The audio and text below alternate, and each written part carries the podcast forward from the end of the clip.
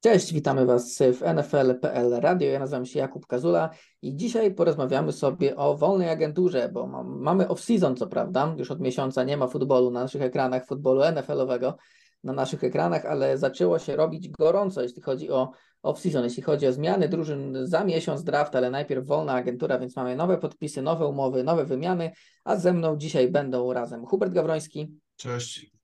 I Maciek Zając. Cześć.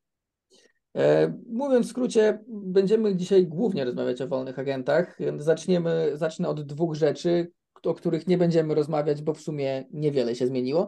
E, po pierwsze, i mówię tutaj o rozgrywających, po pierwsze Lamar Jackson, tak jak rozmawialiśmy ostatnio, on nadal jest na franchise tagu, nadal można z nim negocjować i nadal jeszcze y, nikt, nikt tego nie robi, więc jeśli już to odsyłamy do, do naszego podcastu ostatniego, tam szerzej to poruszyliśmy. Z kolei Aaron Rodgers powiedział oficjalnie, że chce grać dla Jets i w sumie jest to już przesądzone, ale jeszcze drużyny się nie dogadały, więc y, myślę, że o Aaronie powiemy, jak, to, jak ten trade będzie oficjalny, jak już będziemy mogli ocenić y, co, jak i za ile, a nie na razie samą decyzję mm, Arona, ale zacznę może od y, ciekawszych wymian, jakie mieliśmy, zanim przejdę do wolnych agentów, bo przy okazji wolnych agentów mamy też wymiany.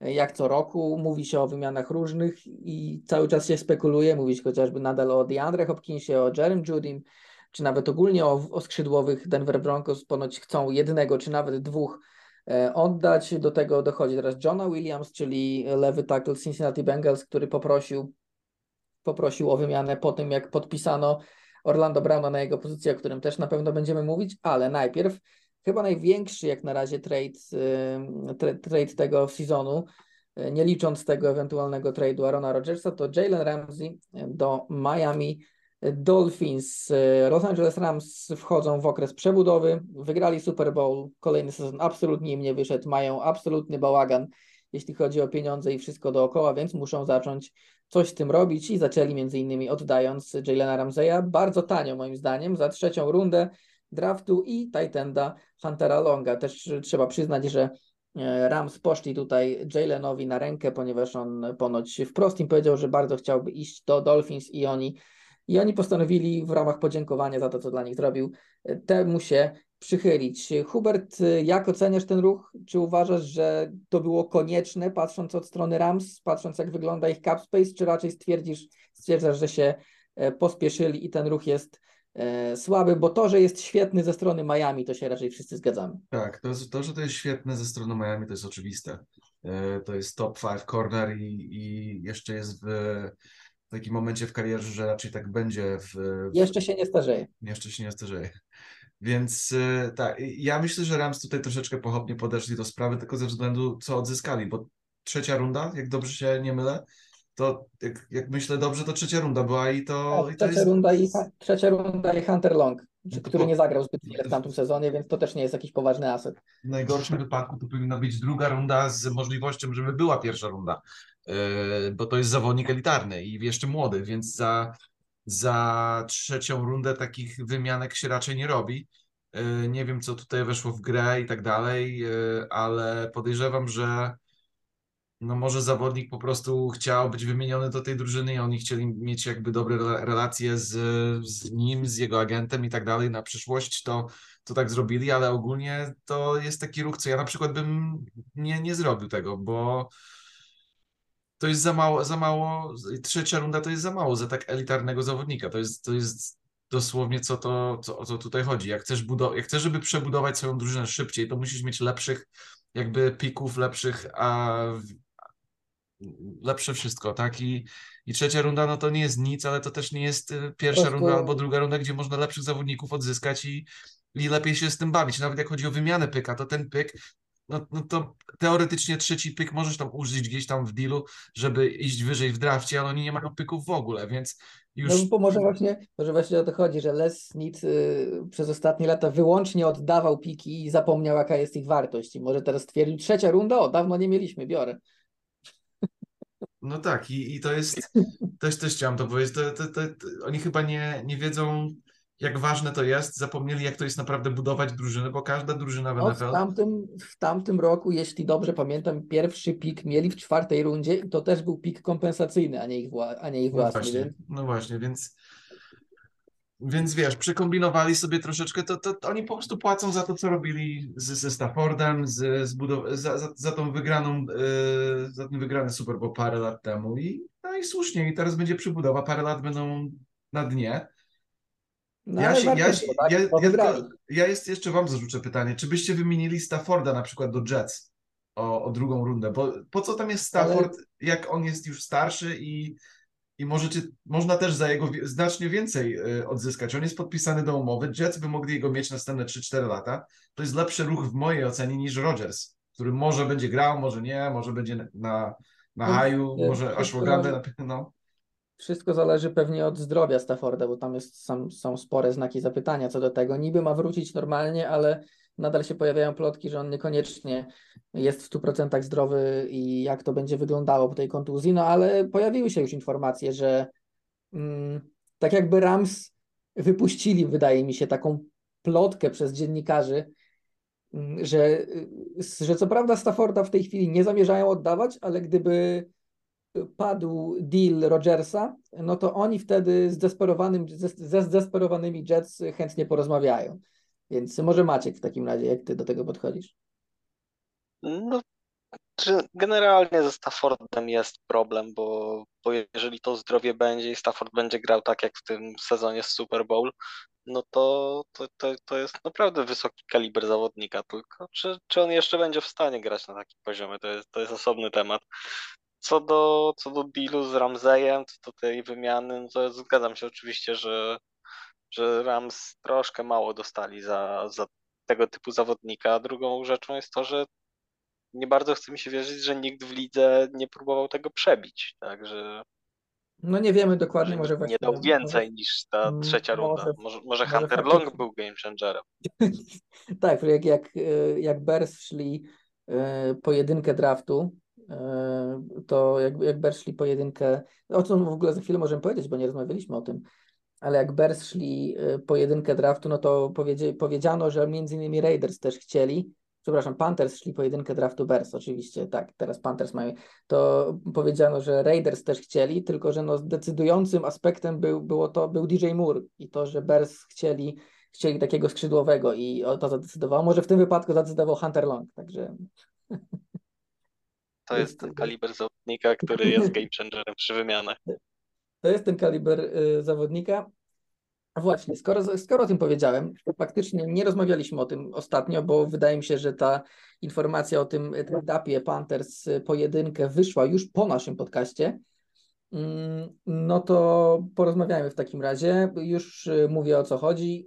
Y, Dla tych z Was, którzy nie śledzą, dużo mówiło się o tym, że Chicago Bears, którzy mają, mieli numer jeden y, w nadchodzącym drafcie, ten pik oddadzą, ponieważ jest kilka drużyn zdesperowanych, żeby sięgnąć po rozgrywającego, a sami Bears po rozgrywającego sięgać nie chcą, ponieważ zostają, przynajmniej na razie, z Justinem Fieldsem. No i wydawało nam się, że faworytem są Colts, którzy mają numer 4, więc to dla Bears też była bardzo ciekawa opcja, e, bo jednocześnie oddaliby ten pik i prawdopodobnie dalej by mogli wybrać jednego z najlepszych, o ile nie najlepszego zawodnika na pozycji nierozgrywającego. Natomiast Bears zeszli znacznie niżej, ponieważ Bears z numeru 1 zeszli na numer 9, a z numeru 9 na numer 1 przeszli Carolina e, Panthers, e, którzy oddali, tak jak wspomniałem, skrzydłowego e, DJ-a Mura, poza tym oczywiście wspomniany e, numer 9, a także pierwszą rundę draftu w przyszłym roku e, i dwie drugie rundy, jedną z tego roku, ale warto zauważyć, że to jest, e,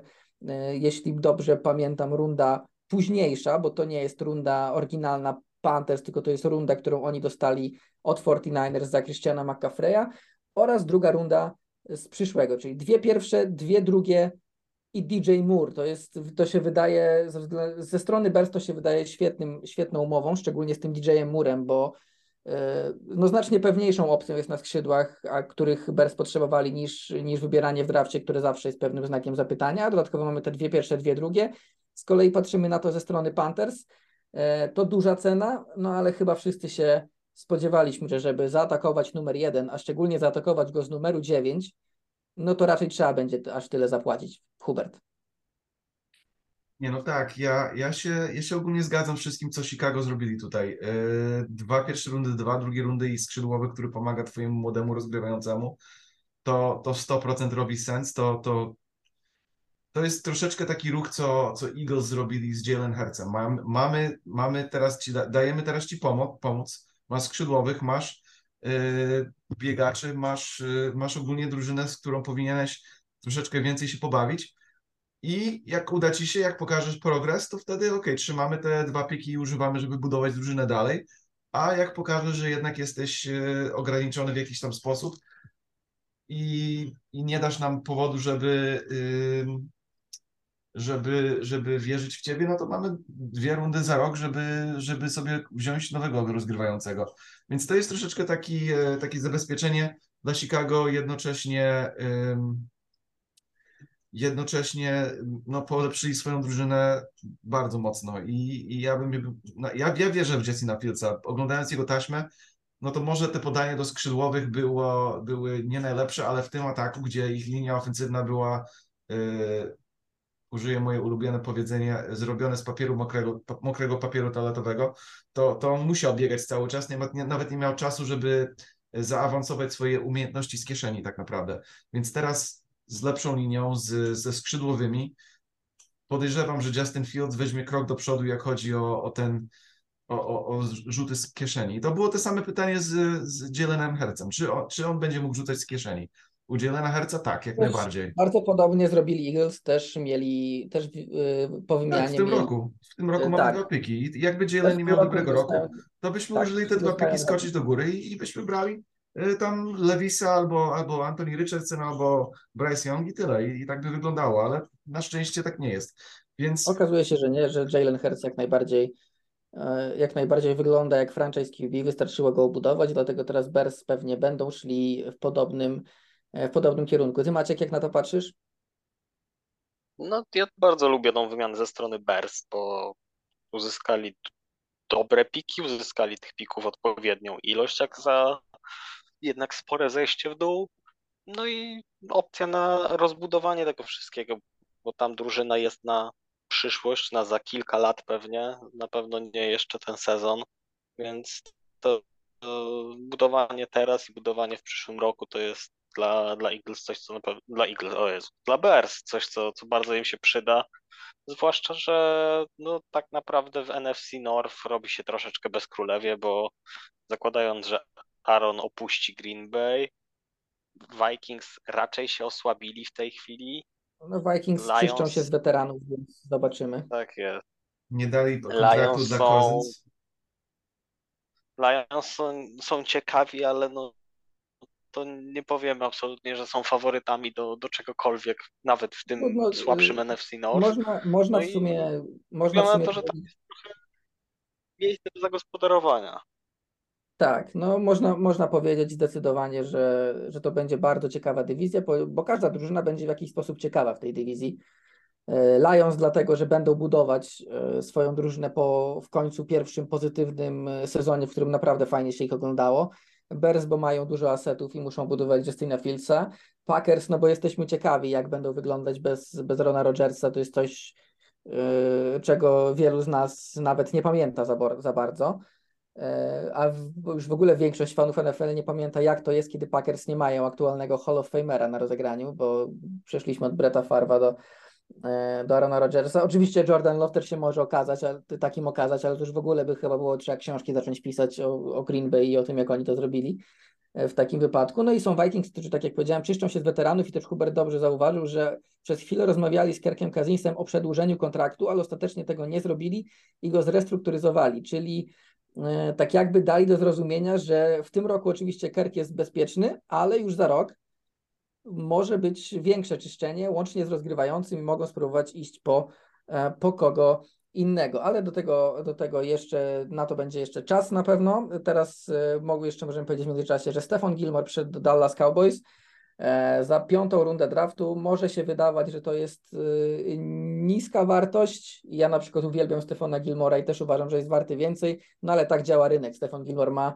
ma 32 lata, e, parę kontuzji na koncie i jest w ostatnim roku kontraktu, więc w takiej sytuacji raczej się zbyt wiele za takiego, zbyt, zbyt, dużo za takiego zawodnika nie dostaje. Również Shaq Mason przechodzi z Tampa Bay Buccaneers do e, Houston Texans. Drugi, drugi trade w drugim off-seasonie z rzędu. Wcześniej z Patriots do Bucks, teraz z Bucks e, do Texans. Ale przejdźmy do wolnych agentów, będziemy szli sobie pozycjami. E, będę mówił te najciekawsze, te najciekawsze umowy, te najważniejsze umowy i będę Was pytał, jaki deal Wam się najbardziej podoba. Zacznę od rozgrywających i powiem o tych rozgrywających, którzy mają mniejszą lub większą szansę, żeby w paru meczach w tym sezonie wystąpić, bo na rynku backupów też było bogato, no ale może aż tak daleko Gardner nie będziemy wchodzić. Co jeszcze raz? Gardner Minshew. Gardner Minshew, tak, a propos rynku, a propos rynku e, backupów, e, ale mm, spójrzmy na tych, którzy będą grać. E, Jimmy Garoppolo przechodzi z San Francisco 49ers do Las Vegas Raiders, 3 lata, 22,5 miliona rocznie. To zaraz o tym powiemy na pewno. Jacoby Brissett z Cleveland Browns do Washington Commanders, roczny kontrakt 8 milionów. Tyler Heineke z Washington Commanders do Atlanta Falcons, 2 lata 14 milionów, czyli 7 milionów rocznie. Andy Dalton z Saints do Panthers y, za 5 milionów rocznie na 2 lata.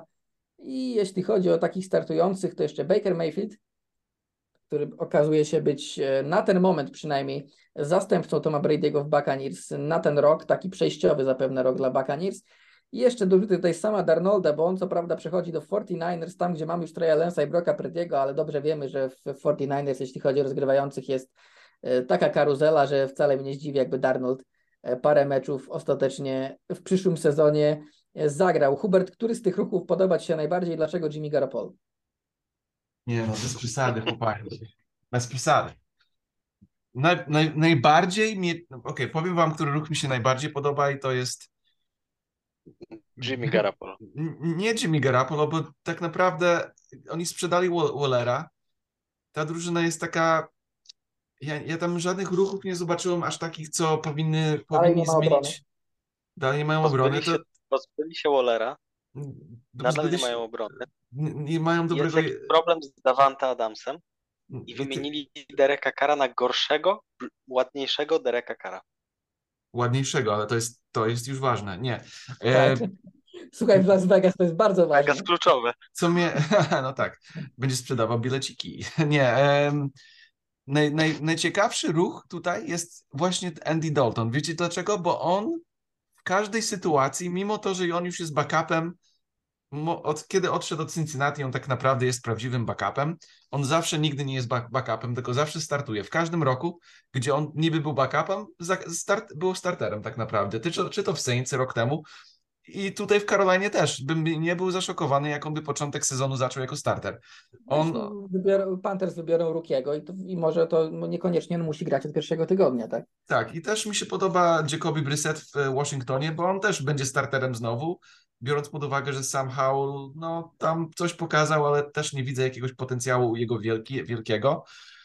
E, Też mi się podoba ruch Mike White'a w, w Miami, bo oni potrzebowali dobrego backupa No, przez... Potrzebowali, żeby, potrzebowali, żeby w, play, w ewentualnym playoffowym meczu nie grał Skylar Thompson. Tak, dokładnie. Mimo to, że Skyler, Skyler Thompson wale, walecznie zagrał. Thompson jest wartość dodana. Skyler No Thompson walecznie zagrał. Kompetentny QB wygrałby ten mecz. Tak, wygrał. I, te, I myślę, że Mike White by ten mecz wygrał nawet, więc to jest fajny ruch. Yy, Nie rozumie ruch Derek Carra do New Orleans. Yy, To o tym chyba mówiliśmy Ale to podcast. już mówiliśmy, tak, tak, to już więc- wcześniej było. Tak, ale to dla I mnie. nadal dla, go nie rozumiemy. Tak, dla, i oczywiście powiem, że Marcus Mariota w Filadelfii będzie pięknym backupem dla Jalena Herca, bo grają ogólnie podobnie. Yy, ob- oboje bie, biegają fajnie. Marcus Mariota troszkę gorzej może rzuca, ale też nie najgorzej rzuca, bo był w drużynie, która pobiła Chiefs w, w Kansas City w rozgrywkach, więc to nie jest byle jaki backup, to jest porządny backup. Eagles zawsze No, Marcus cenią... Mariota rzuca tak dobrze, że w tym meczu udało mu się podejść do samego siebie. Tak, tak, to był piękny rzut. Wiedział, co robi. I, i to jest... Taki był plan. Taki był plan. To jest ruch bardzo fajny dla Eagles, bo Gardner Minshew, no, był fajny, ale to nie był... To jest upgrade, tak? Bo Marcus Mariota jest tak naprawdę takim Znaczy moim zdaniem to jest upgrade pod system, bo Marcus Mariota dużo bardziej pasuje do Eagles niż pasował Gardner Minshew. Tak, Gardner Minshew też się troszeczkę w kieszeni y, bał, la, jakoś bardzo szybko się speszył i, i uciekał, jak nie musiał, tak Ale Gardner Minshew możliwe, że będzie miał okazję też być starterem przez chwilę, bo na, jeśli Colts wezmą z jakimś dalszym pikiem rozgrywającego w drafcie. Może to być na przykład Anton Richardson, który Jak jest Anthony- ogóle tak. Tak, tak. Anthony Więc, Richardson to jest, tak, to będzie Gardner Minshew może się okazać, że Gardner Minshew zacznie ten sezon w Colts. Może zacząć i, i wtedy zobaczymy, wiesz. Bo On, powiedzmy, Mata Ryana już nie ma, no spodziewaliśmy się, że go nie będzie, ale teraz już oficjalnie został zwolniony, także już tam nie ma Mhm. Ma- Mata Ryana w Colts. no, więc to będzie ciekawe, ale Gardner Minshew to jest jakaś wersja Kiski nam. O, tak bym to nazwał. To, to jest Gardner Minshew z, fa- z fajnymi wąsami i długimi e, włosami. Z, e, i, i to jest, Fajniejsza wersja Case'a Kineo. tak, tak, bardziej taka zabawna, hollywoodzka. W takim razie Maciek, które, które tobie z tych ruchów się najbardziej podobają? Mm. Znaczy, Powie, ja powiedz, że Baker, powiedz, że ten- Baker. Proszę Nie cię. powiem, że no nie powiem, że Baker to nie jest dobry ruch, moim zdaniem. Ja mogę powiedzieć, że Dla Baker, jego co to, jest, co to jest 4 miliony dla Bakera? Ja, a przynajmniej będzie ciekawie. No tak, no nie, nawet jeżeli nie będzie dobrze, to na pewno będzie śmiesznie. To, Będzie ciekawie, bo skrzydłowi są tam. Ja, ja, ale ja, ja mam wrażenie, że Tampa nie do końca wie, czym chce być w tej chwili. Oni, oni ch- chcieliby się przebudowywać, ale jednocześnie widzą, że ich dywizja jest bardzo słaba, więc może jednak jest rok przejściowy, ale jednak spróbujemy tak, żeby nie- całkiem przegrywać i tak w sumie. I tak I, rok, I wygląda to dokładnie każdy w tej dywizji. Tak wygląda każdy w tej dywizji, dokładnie tak. Jesteśmy beznadziejni, ale oni też, więc może wygrajmy to. Tak, tak, I jest nikt tak- na tym tak nie skorzysta. tak. Powiedzieliśmy, No, powiedziałem, przed chwilą, że, powiedziałem przed chwilą, że w, w NFC North y, będzie ciekawie, bo są cztery ciekawe drużyny. Z tego samego powodu w NFC South będzie nieciekawie, ponieważ mamy, no może nie, może nie. Podoba mi się ten off-season Panthers jak na razie, szczególnie jeśli chodzi o sztab szkoleniowy. Dodatkowo będą, mają jedynkę draftu, więc pod tym względem oni na pewno, oni na pewno będą Znaczy, ciekawi. W takim jeżeli, razie- jeżeli potwierdzą się te głosy, że, że Panthers są zainteresowani CJ Stroudem, którego uważam za najciekawszego QB i najbardziej gotowego QB w tej Tak. klasie, tak. to będę uważał, że to jest bardzo dobry off-season Panthers i że wygrają tę dywizję. No, jeśli o to Ale chodzi, do tego jeszcze trochę czasu. Tak, jeśli, jeśli o to chodzi, to Panthers y, moim zdaniem bardzo, bardzo ciekawie podeszli do wypuszczania zasłony dymnej y, od razu po przejęciu tego piku. Od razu, od razu po przejęciu piku pojawiły się informacje, że oni w sumie to mogą i ten pik nawet oddać. y, Co, co, już jestem samo, fanem tego.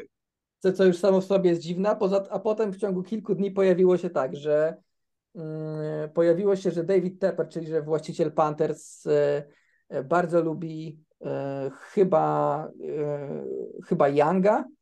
Potem się od Tak, razu że właściciel Younga, a że że właściciel Reich, Younga, że e, Frank Reich. Strouda, a jeszcze kolejnego dnia się pojawiło, że Frank Reich też bardzo lubi Richardsona, a już w ogóle się pojawiło, że przez ostatni sezon Panthers też dużo bardzo interesowali się Levi'sem, także w zasadzie zasłona dymna w pełni wypuszczona i nikt, że nikt nie wie Biorą na razie, wszystkich. y, tak, chcą wszystkich i nikt nie wie, nikt nie wie co zrobią Panthers. W takim Ja, czy, ja tak czytałem, temat? że jeszcze jest, jeszcze pono, że, że jeszcze są w stanie ten pik wymienić i iść w dół. No tak, tak, no właśnie tak, tak jak, tak jak powiedzieliśmy. Także no pełna zasłona dymna, możemy iść w dół albo wybrać jednego z czterech rozgrywających. Także y, zobaczymy, zobaczymy na pewno bliżej draftu będziemy wiedzieć więcej. A Maciek w takim razie, może ty jeszcze o, o rozgrywających? Tak, no to jest na tyle średnia klasa tych, tych rozgrywających, że w tym free agency tu się niewiele dzieje. No, ten ruch Jimmy'ego Garapolo jest dla mnie nie do końca zrozumiały, podobnie jak e, wspomniany Jimmy, Jimmy, wcześniej wszedł, Jimmy, wszedł w tę Kara. samą, Jimmy wszedł w tę samą sytuację, którą miał w 49ers, czyli będzie grał, dopóki y, nie przyjdzie rookie, któremu trzeba będzie dać grać. No tak. Nie, nie, nie, jakby nie, żaden ruch na pozycji QB nie jest dla mnie jakimś olśniewającym. No, tak No szczerze, jak miał sumować, to chyba najlepszym jest naprawdę to podpisanie Marioty na backup. No pasuje. tak, bo pasuje, no, ale tak, jak, tak jak to bywa na wolnym rynku, rzadko się zdarza, żeby faktycznie e, jakikolwiek topowy rozgrywający trafił na rynek. Jak, jak, jak się trafił Peyton Manning, to latały za nim samoloty i helikoptery i śledziły każdy jego ruch, gdzie on tym razem jest i co będzie robił. E, Z Tomem Bradym tak nie było, ale Tom Brady to taki ostatni przypadek rozgrywającego topowego, który wchodzi faktycznie na rynek. A tak poza tym, że zazwyczaj mamy rynek takich właśnie y, przejściowych starterów jak Jimmy Garoppolo czy Jacoby Brissett, albo po prostu backupów. Przejdźmy do running backów. Jeśli chodzi o running backów, no to trochę nam liga pokazała wartość tych running backów, bo ci najlepsi dostali franchise tagi, mówię tu o Saquonie, e, Barclayu, Joshie Jacobsie i e, Tonym Polardzie. Warto też zauważyć, że w końcu Dallas Cowboys pozbyli się bardzo złego kontraktu Zika Eliota i samego Eliota również, co za tym idzie. A jeszcze trochę tak. ten kontrakt tam będzie leżał na koncie. Tak, tak, będzie leżał, no ale no tak trzeba było, tak trzeba było zrobić, bo e, no niestety ani Zik, ani ten kontrakt nie wyglądał dobrze, ten kontrakt nie wyglądał dobrze nawet gdyby Zik grał dobrze, a on nie grał dobrze, także to już możecie sobie sami dodać 2 do 2. Jeśli chodzi o kontrakty e, biegaczy, to najwyższy dostał Miles Sanders, który prze, przechodzi z Philadelphia Eagles do Carolina Panthers, ale to jest kontrakt wartości 6 milionów przecinek 250 tysięcy rocznie, więc to nie jest wcale dużo na 4 lata ten kontrakt. Poza tym mamy Davida Montgomery'ego z Bears do Lions 6 milionów, Jamala Williamsa z Lions do Saints 4 miliony, James Robinson z Jets do Patriots 4, y, przepraszam, 4 miliony rocznie, ale tu akurat jest to naładowane mocnymi bonusami, z tego co widziałem to tak naprawdę jest 2-2,5 miliona tylko. E, Sama Perin niecałe 4 miliony rocznie, Aleksander Mattison 3,5 miliona, e, 3,5 miliona rocznie, powrót do Vikings, a powiem jeszcze, że sama Perin trafił do Denver Broncos. Jeff Wilson i Raheem Mostert na niskich kontraktach wracają do Dolphins. No i to z takich, a jeszcze Rashad Penny, e, Seattle Seahawks do Philadelphia Eagles na absolutnie straszliwie niskim kontrakcie, niecałe półtora miliona dolarów, co mnie mocno zdziwiło. Matt Brida dostał więcej pieniędzy w tym off-seasonie niż Rashad Penny, co jest dziwaczne mocno, ale tak, tak to wyszło. Generalnie bardzo słaby rynek pod względem pieniędzy dla biegaczy, ale w takim razie panowie, które z tych ruchów Wam się najbardziej podobają? Ja od razu powiem, że e, bardzo mi się podoba powrót Aleksandra Mattisona do Vikings, zakładając, że Vikings będą gdzieś szukać pozbycia się kontraktu Dalvina Cooka, to ja już od jakiegoś czasu uważam, że Mattison samemu sobie też jest w stanie poradzić i bardzo ciekawi mnie David Montgomery za tą potężną linią Detroit Lions. A jak u Ciebie Hubert? U mnie najlepszy, najlepszy podpis to może być właśnie Rashad Penny pod tym względem, że tanio, a po drugie, jak on jest zdrowy, to jest absolutnie byk. No E, jak jest zdrowy, to jest na poziomie tych zawodników, którzy dostali po 6 milionów rocznie, a on dostał milion 300 tysięcy. Tak, ja ogólnie, jak oglądałam jego taśmę, to on robi to, co Miles Sanders nie robi i to jest biegnie tam, gdzie jest dziura, on, on to uderza.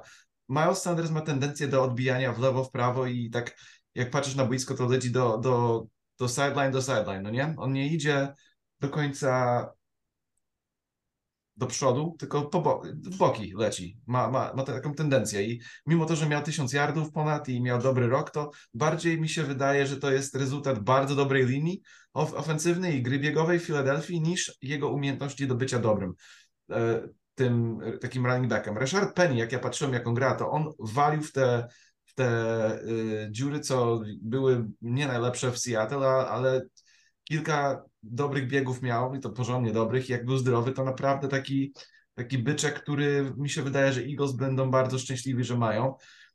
Y, On jest taki znany jako North and South Runner, no nie? To jest y, zawodnik, który uderza dziurę i leci prosto. Więc y, no, jestem, jestem podekscytowany tym podpisem. Aby No był no zdrowy. granie, sorry, że ci przerwę, i no i granie w komitecie Eagles myślę, że może pomóc jego zdrowiu na Tak, pewno, jeśli nie tak. będzie dostawać tylu Na piłek. pewno, na pewno go nie zabijemy. Też Boston Scott wraca, więc to bardzo fajny podpis. Em, no, oprócz tego, tak. Ja nie rozumiem e, drużyn, co dają franchise taga dla running backa. 11 milionów e, dla, dla Saquona Barkley'ego, który, no okej. m- Ja jestem do- teraz, jestem, wiesz co, jestem teraz bardzo ciekaw, e, bo wszystkie te drużyny zapewne nie chciały puścić swoich biegaczy na rynek, e, bo bali, bali się, że znajdzie się jakaś desperowana drużyna, która da dużo pieniędzy. Ale patrzę na Jednak? ten rynek, patrzę na ten rynek i się zastanawiam, jakie faktycznie pieniądze dostaliby na takim rynku Barclay czy Jacobs. Bo No pewnie znalazłby się ktoś bardzo zdesperowany, kto, kto dałby w No ale- okolicach ale tego to- na franchise pewno- tagu, na- ale to byłoby na pewno więcej, na pewno więcej niż ci, którzy, którzy byli, to na 100%, ale czy to by było na przykład 9-10 milionów rocznie, czy znalazłby się ktoś głupi i dał 14 na przykład? Bo 9-10 milionów rocznie to jest, no jak na takie nazwiska, całkiem, całkiem porządny, porządny kontrakt wtedy. No ja, ja. Barkley by dostał troszkę więcej od Sandersa, może by dostał 30 milionów. Um, Czy ja mam, ja mam wrażenie, że, że Barclaya to Giants nie puścili, dlatego że się bali, że faktycznie jemu ktoś może dać duże pieniądze. Bo, Ale- bo to jest, to jest running back, któremu ktoś mógłby zaryzykować i zapłacić naprawdę duży kontrakt właśnie bliżej, nie wiem, 12 może, może 13 milionów. Ktoś by się znalazł, podejrzewam, z brakiem na tej pozycji, z brakiem odpowiedniej klepki i z dość dużym salary. Tony Pollard na przykład, no nie wiem, ja, ja bym go puścił na rynek i sprawdził, chyba że Cowboys się bali, że jak go puszczą na rynek, to on już nie będzie chciał wrócić do Cowboys, bo uzna, że to jest okej, okay, no, no zrobili mi przykrość, to ja tam już nie chcę. No ale to jest jedyne, co, co moim zdaniem broni tego taga, właśnie tego typu myślenia. Bo tagowanie running backów to jest znaczy, bardzo no, zły Może pomysł. to jest, wiesz, chyba, że to jest po prostu kwestia, no, y, wszystkie te drużyny, może nie wszystkie, no nie, może nie, przede wszystkim Giants mieli, mieli trochę miejsca w kapie na, ten, na, na tego taga, ale ogólnie ja myślałem, że też chodzi o to, żeby nie przywiązywać się długofalowo do running backów, y, no bo wiadomo, jak to, jak to z nimi wygląda. E, czy może nie jest to na przykład plan, żeby dać e, takiemu Barclayowi taga teraz, który jest warty 11 milionów, czy tam nawet 10, e, bo też zależy, ale powiedzmy 10 milionów, za rok dać mu może, jeśli będą mieli miejsce drugiego taga, który wtedy wynosi 120% wartości poprzedniego, czyli byłoby 12 milionów, i potem go już puścić, bo potem to już będzie blisko 30, to już nie chce wchodzi na rynek i, i robi co chce, a może też ten rynek będzie na tyle zły, że do nas z powrotem wróci. Taki, takie, coś, takie coś mi przemknęło przez myśl, e, więc jestem ciekaw, jak te, jak te drużyny do tego podejdą, no ale tak jak powiedzieliśmy, rynek biegaczy pieniędzmi nie zachwycił, podobnie zresztą jak rynek skrzydłowych, bo o, o, tym, że to jest słaba klasa skrzydłowych, jeśli chodzi o wolnych agentów, mówiliśmy. Jacoby Myers był uznawany za najlepszego skrzydłowego na rynku, a o ile jest to naprawdę fajny zawodnik, to no nie jest to żaden game changer, jeśli chodzi o, jeśli chodzi o skrzydłowych w tej lidze. No i okazało się, że faktycznie drużyny... Podobnie tak, uznał Bill Belichick. Podobnie uznał Bill Belichick i podobnie uznała cała liga, patrząc na tych skrzydłowych, bo rok temu mieliśmy Christiana Kirka, który dostał 18 milionów rocznie, E, nawet Zay Jones, który był uznawany w tamtym roku raczej za przeciętnego skrzydłowego, dostał od, dostał od Jacks tam 10 milionów rocznie. Inni skrzydłowi. Dwa lata temu Nelson Aguilar dostał od Patriots 11 milionów rocznie za dwa lata. Na szczęście ten kontrakt już się skończył, ale no właśnie, tacy, taki Allen Lazar czy Jacoby Myers możemy spokojnie uznać, że są znacznie lepszymi skrzydłowymi niż Nelson Aguilar, a właśnie oni mają najwyższe kontrakty tegorocznej wolnej agenturze jak na razie i oba wynoszą 11 milionów rocznie, podczas gdy niektórzy przewidywali im nawet 14-15, ale Lazard przechodzi z Packers do Jets, no co zupełnie przypadkiem wiąże się z przejściem prawdopodobnym Arona Rodgersa. E, Jacoby Myers przechodzi z Patriots do Raiders, co zupełnym przypadkiem łączy się z, obecnością Josha McDanielsa tamże. Z kolei Juju Smith-Schuster przychodzi, to taka podmianka w wykonaniu Patriots i Billa Belicika pod nowy system Billa O'Briana, tak stawiam. Odchodzi Jacoby Myers, a na jego miejsce w zasadzie 1 do 1 przychodzi e, eksplozywniejszy Juju Smith-Schuster z Kansas City Chiefs e, za 3 lata i 8,5 miliona rocznie ostatecznie, czyli no całkiem przyjemny kontrakt jak na skrzydłowego, który był ważną częścią drużyny, która wygrała Super Bowl. Mm, do tego mamy Roberta Woodsa za 7,5 miliona rocznie z Titans do Texans, takie przygotowywanie doświadczonego składu pod młodego rozgrywającego. I do tego Deontay Harty z Saints do Bills i Noah Brown z Cowboys do Texans. No i to w sumie jest tyle jak na razie. Ma, rynek skrzydłowych tak bardzo różni się oczekiwaniami skrzydłowych od tego, co drużyny chcą im dać, że naprawdę wielu, wielu zawodników mamy jeszcze na rynku. Jest Odell Beckham Jr., jest DJ Chark, chociażby, no jak robili, jak, jak czytaliście być może tekst na NFL Polskę, który ja przygotowywałem przed wolną agenturą, jeśli chodzi o top 10 wolnych agentów z każdej pozycji, to mam wrażenie, że z top 10 skrzydłowych zostało wciąż najwięcej zawodników y, na rynku. Wydaje się, że skrzydłowi patrząc na to, co się działo rok temu, chcieli dużych pieniędzy, a drużyny patrząc na to, co się działo rok temu, stwierdziły, nie no, nie możemy no to drugi raz pozwolić. W tym roku Spokój. W takim razie, Hubert, jak ty do tego podchodzisz i który z tych zaledwie kilku ruchów y, podoba ci się najbardziej? Wiesz co, yy, ciężko tak naprawdę, bo tutaj nie ma zawodnika, który jest game changer, tak jak, tak jak można sobie wyobrazić, to, to są bardziej takie ruchy, no Juju w New England na pewno pomoże, bo ta, tam bo nie, nie ma, zaszkodzi. Bo nie zaszkodzi, Na pewno tak. nie. Znaczy, to największa różnica między Juju a Jacobim Meyersem, yy, y, na razie jak y, patrząc na system Billa O'Briana i tego, jak on używa swoich zawodników, no to między Juju a Jacobem Meyersem jest jedna różnica, którą można opisać trzema słowami, mianowicie yards after catch. Bo Jacoby Myers jest y, bardzo solidnym skrzydłowym, którego ja uwielbiam, dlatego mimo wszystko nadal jest mi smutno, że odszedł z Patriots, ale no to jest skrzydłowy, który łapie piłkę, bardzo często zdobywa pierwszą próbę, ale też tam, gdzie ją łapie, tam od razu pada. Tak, to jest, widziałem chyba Ian Hartig zajmujący się fantazy futbolem napisał o Jacobim Myersie, że jeśli potrzebujesz 3 yardów, to Jacobi Myers da ci 8, jeśli, ale jeśli potrzebujesz 9 yardów, to Jacobi Myers da ci 8. To jest, to, to jest taki typ skrzydłowego, że jest, on jest świetny w tym, co robi, ale to jest po prostu taka solidna rola. No bez sufitu, Jacobi Myers jaki jest, każdy widzi, on już prawdopodobnie Lepszy nie będzie, bo taki ma styl grania, nie jest też zbyt atletyczny, natomiast Julius Smith-Schuster był jednym z najlepszych zawodników, jeśli chodzi o yards after catch w tamtym sezonie.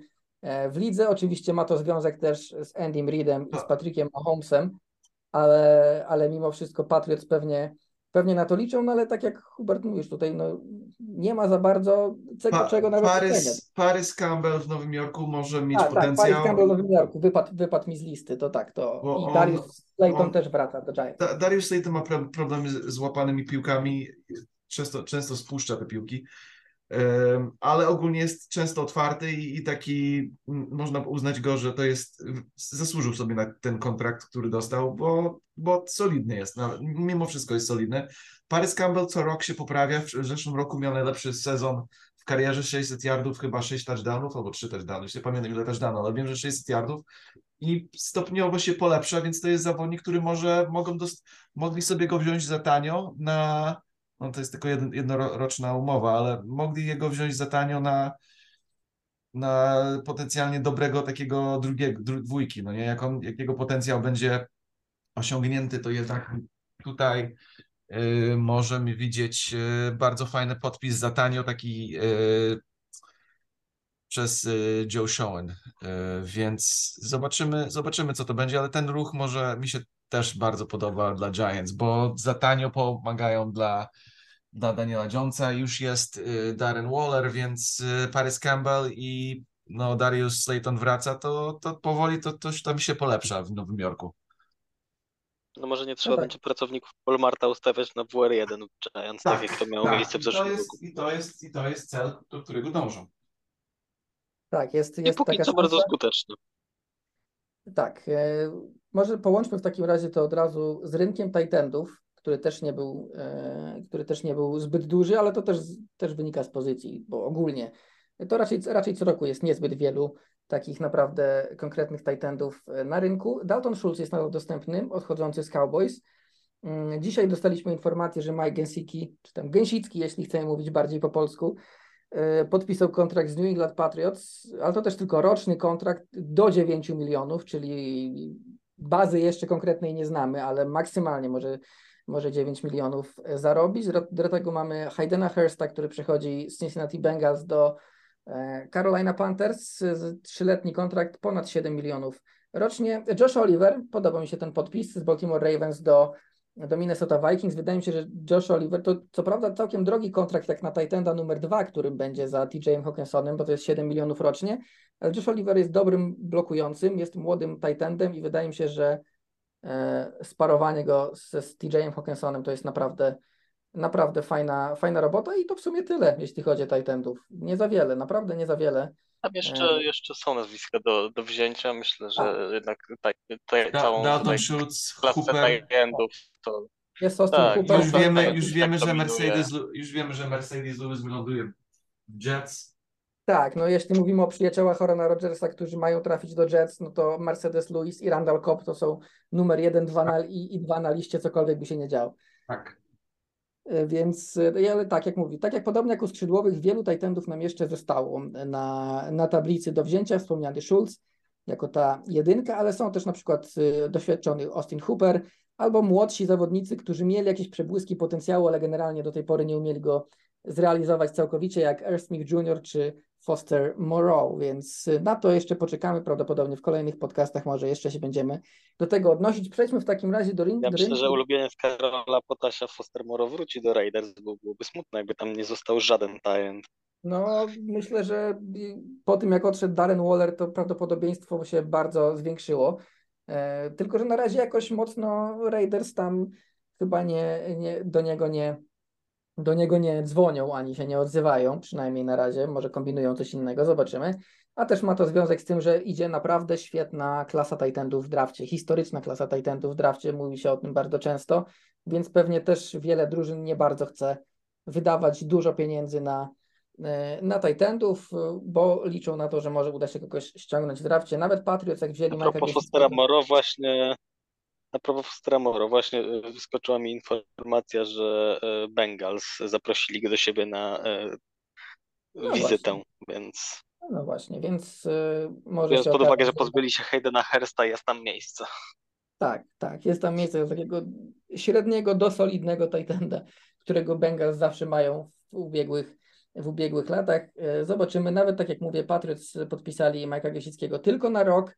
To też im nie wyklucza jeszcze opcji wzięcia jakiegoś, jakiegoś w drafcie. W takim razie przejdźmy do rynku ofensywnych liniowych. Tu jest znacznie ciekawiej. Mieliśmy w zasadzie cztery. Czy możemy rozpocząć, czy możemy rozpocząć y, rynek ofensywnych liniowych od tego, jakim głąbem jest agent Orlando Browna? Bo ja Tak, nawet od nie tego- chcę Orlando od tego- obrażać.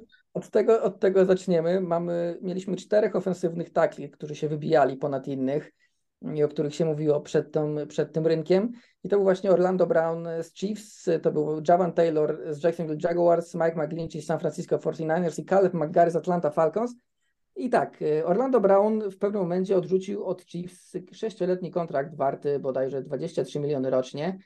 E, Trafił na rynek w tym roku i okazało się, że zawodnik, który bardzo mocno chce grać na lewym taklu, jest widziany przez większość ligi jako grający na prawym taklu, co ma sens, ponieważ w Ravens grał na prawym taklu i wyglądał no jak topowy prawy tackle. Natomiast na lewym taklu i w Ravens i w Chiefs był solidny, ale był solidny, tak? Więc to nie jest topowy tackle. Dlatego wiele, wiele drużyn widziało go na prawym taklu, on chciał grać na lewym. Przez długi czas myślałem, że chodzi o pieniądze, jeśli chodzi o tego lewego takla, że, on, że o to mu chodzi. I pewnie częściowo tak, aczkolwiek on sam mówi, że to chodzi ze względu na jego ojca Orlando Browna seniora, już nieżyjącego, który też był bardzo dobrym lewym taklem, więc y, ostatecznie wyszło na to, że wzięli go Cincinnati Bengals, co dla drużyny tak mocnej jest na pewno świet i potrzebującej jednocześnie na, na linii świetnym podpisem i wzięli go w zasadzie za no może nie pół darmo, ale za dużo mniej niż wszyscy się spodziewaliśmy, bo Chiefs oferowali 23 miliony rocznie, wszyscy się spodziewali, że podobnie będzie to wyglądało na rynku. Tymczasem Cincinnati Bengals płacą Orlando Brownowi 16 milionów rocznie przez 4 lata. E, Ponoć chodziło też tutaj o, o spore gwarancje na początku. Do tego wszystkiego okazuje się, że Orlando Brown, który miał spokojnie mieć najwyższy kontrakt ze wszystkich offensive tackli, a może nawet ze wszystkich zawodników, nie licząc rozgrywających, jest dopiero trzecim najlepiej opłacanym taklem w tej klasie, ponieważ Javan Taylor zajmie jego miejsce w Kansas City Chiefs i Javan Taylor będzie zarabiał 20 milionów rocznie przez 4 lata. Mike McGlinchey przechodzi z San Francisco Niners do Denver Broncos za e, 17,5 milionów, e, i pół miliona rocznie przez 5 lat, a czwarty z tych takli, o których wspomniałem, okazuje się, że miał rynek najmniejszy, Caleb McGarry, bo o nim mowa. Były znaki zapytania co do niego w kwestii tego, że jest dobrym mm, run blockerem, ale trochę, trochę brakuje mu, jeśli chodzi o podania. Wiadomo, że mamy ligę podaniową. Do tego mówiło się o tym, że trochę e, że trochę to, co robiła, co, to, co robiła Atlanta w ubiegłym sezonie, pomaga, pomagało ukryć jego mankamenty w grze. No i tak też wyszło, bo nie miał zbyt dużego rynku i ostatecznie wraca do Atlanta Falcons za 11,5 miliona rocznie, co trzeba przyznać w porównaniu do najbardziej opłacanych, najlepiej opłacanych takli tej klasy.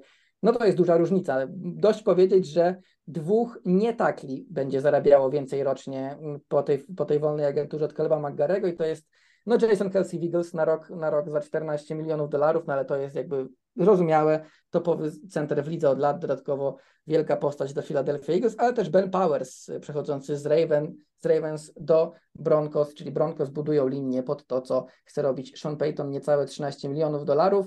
E, Poza tym Maćku, że y, agent Orlando Browna jest głąbem, to co Cię zaciekawiło e, w, ty, w tej klasie ofensywnych liniowych? E, najpierw zacznijmy od takli, o gardach jeszcze za chwilę powiem.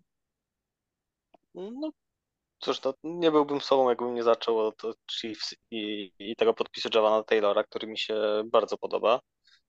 I 20 milionów to jest sporo jak na kogoś, kogo chce raczej drużyna konwertować z prawego na lewego takla, bo takie są cały czas te głosy i cały czas to jest ta najbardziej prawdopodobna wersja wydarzeń.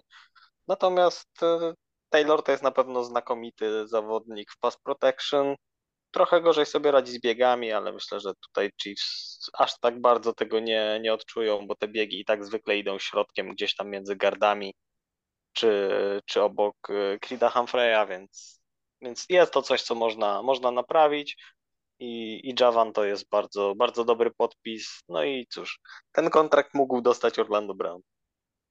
Tak, mógł dostać ten kontrakt Orlando Brown.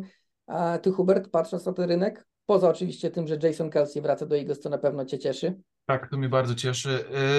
Yy, Eagles generalnie robią takie coś, że tych starszych zawodników podpisują do, do, do jednorocznych umów, gdzie nie będą musieli modlić się o to, że w starszych latach nie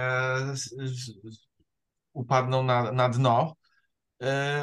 Andrzej Dillard y, bardzo mnie cieszy w Tennessee, bo on, on miał bardzo ciężki start w Filadelfii. On na początku w training campie wyglądał fatalnie, aż tak fatalnie, że Jordan Mailata, który nie wiedział, co to futbol amerykański jest, może 7 lat temu, jego przygonił na, na, na rosterze.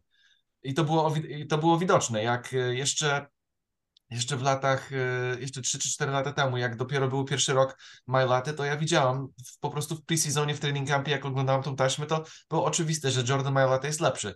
No ale przez lata ciężkiego, ogólnie Dia, Dillard to był y, lineman, który dobry był w pass protection, bo jego szkoła tylko, czy tam na uczelni, jak był to, tylko i wyłącznie podawali, więc on bardzo dobrze się ustawiał do blokowania w sytuacjach, gdzie podaje się, y, a w biegu nie za bardzo, więc musiał naprawdę dużo siły nabrać i, i w kilku sytuacjach, gdzie Jordan Mailata nie zagrał, to Dillard jednak pokazał, że nie jest takim bastem, jakim może się wydawał na początku jego kariery, no i po, po prostu pod tym względem, że naprawdę sobie zapracował na te 3 lata 29 milionów, to, to mnie cieszy, że, że będzie miał okazję być starterem i, i myślę, że zasłużono. Jestem bardzo ciekawy, jak on będzie wyglądał w Tennessee.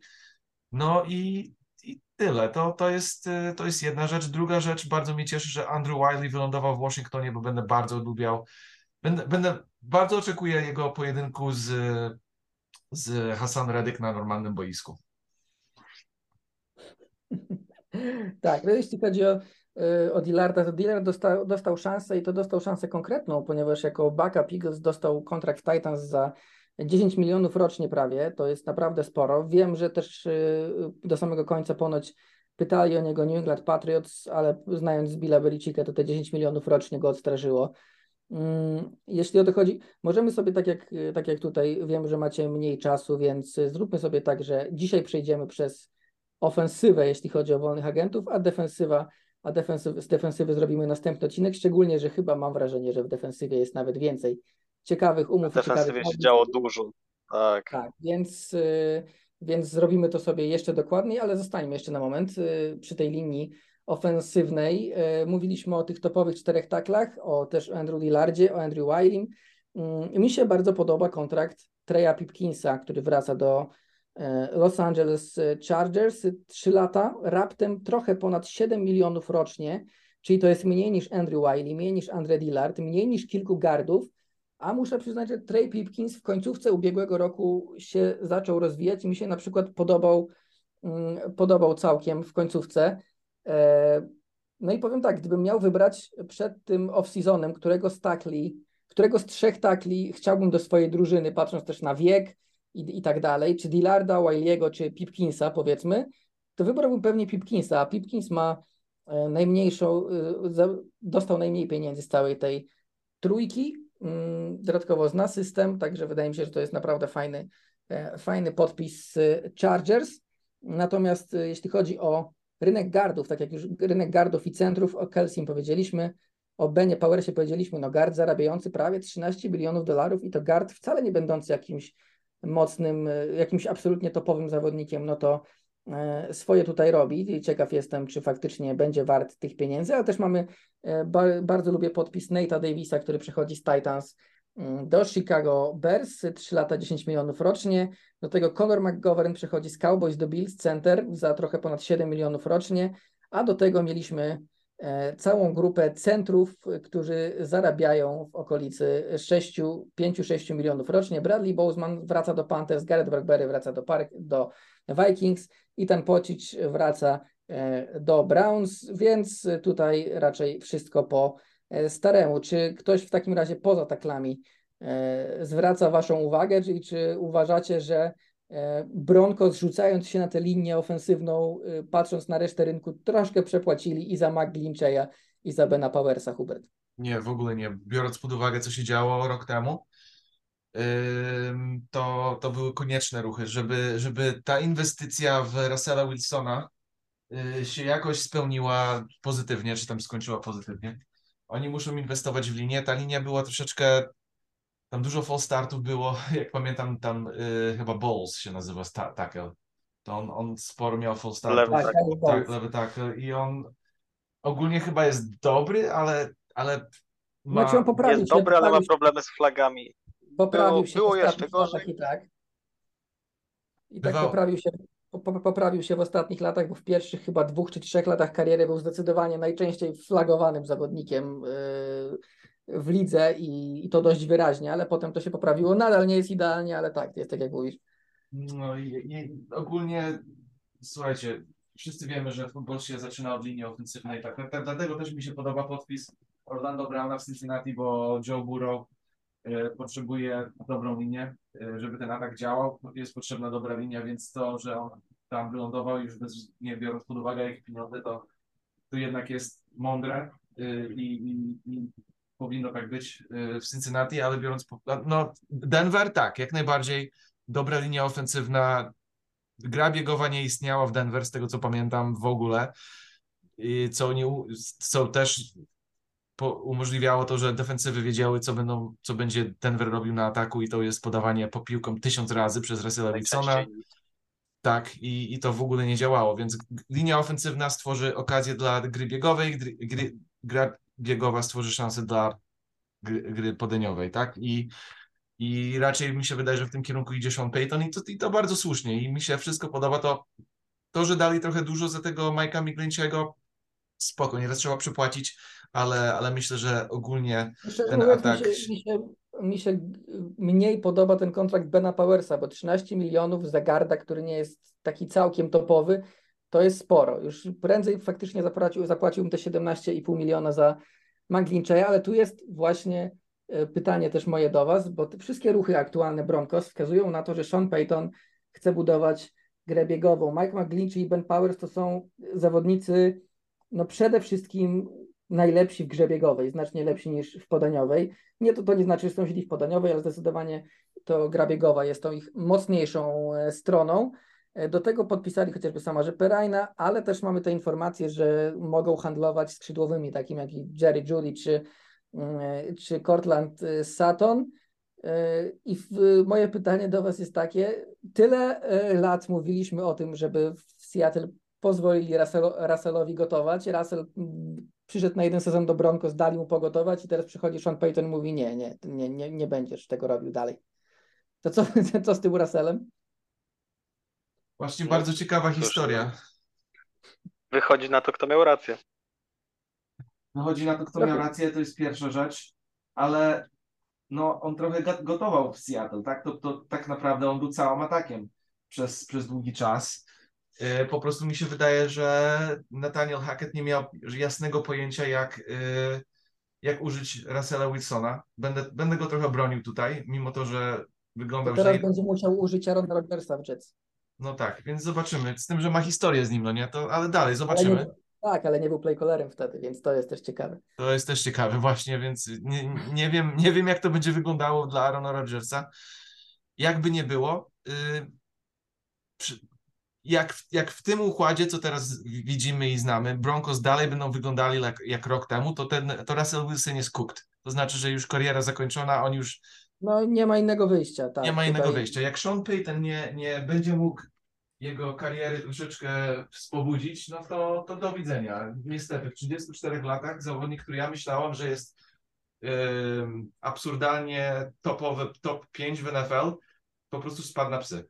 I, I to bardzo szybko. Dlatego ja zawsze mówię o zawodnikach, którzy się starzeją, że nie, dla niektórych ta, ta, te starzenie się, się dzieje tak e, stopniowo i powoli, i powoli, a dla niektórych to jest po prostu z roku na rok koniec kariery, jak Ben Roethlisberger. W, w przeciągu dwóch lat on poszedł od kompetentnego rozgrywającego do totalnej stupy. No tak, no i tutaj wydaje mi się, że to się, oczywi- to się wydaje oczywiste, bo myślę, że win, in, inaczej Sean Payton by tej roboty nie przyjął, ale stawiam, że Sean Payton w ramach propozycji usłyszał, że no, on będzie po tym sezonie jednym Russella Wilsona, on będzie w tej dwójce tym ważniejszym nazwiskiem i jego zadaniem jest spróbować wyciągnąć coś z Russella, a jeśli się nie uda, no to po prostu wybierze sobie sam kolejnego, kolejnego rozgrywającego. Trochę mi przykro E, tak. Russella Wilsona, że już nie będzie miał biurka i ofisu w budynku na drugim piętrze, Tak. ale, ale, ale może sobie sobie jakoś poradzi emocjonalnie. No tak, no na pewno Sean Payton nie da sobie wejść Może na głowę. łazienkę sobie dobuduje. Może. Tak, może chociaż łazienkę wynajmie, nie wiem, osobistą. E, W każdym razie e, to tyle od nas, jeśli chodzi o ofensywną stronę wolnych agentów. O defensywnych powiemy w następnym podcaście. Będzie, będzie więcej szczegółów, bo też więcej dużych nazwisk nam się tam e, pojawiło, także dużych kontraktów, a pewnie jeszcze do kolejnego podcastu parę nowych podpisów będzie. Jak będą jakieś ofensywne, poważne, to oczywiście do nich również nawiążemy, a pewnie jakieś będą. Może będzie też wymiana Rona Rodgersa, niewykluczone, także trzymamy rękę na pulsie i słyszymy się za tydzień, a dzisiaj ze mną byli Hubert Gawroński, Cześć wszystkim. Maciek Zając, Dzięki wielkie, do usłyszenia. ja nazywam się Jakub Kazuda, to było NFL.pl Radio. Do usłyszenia, cześć.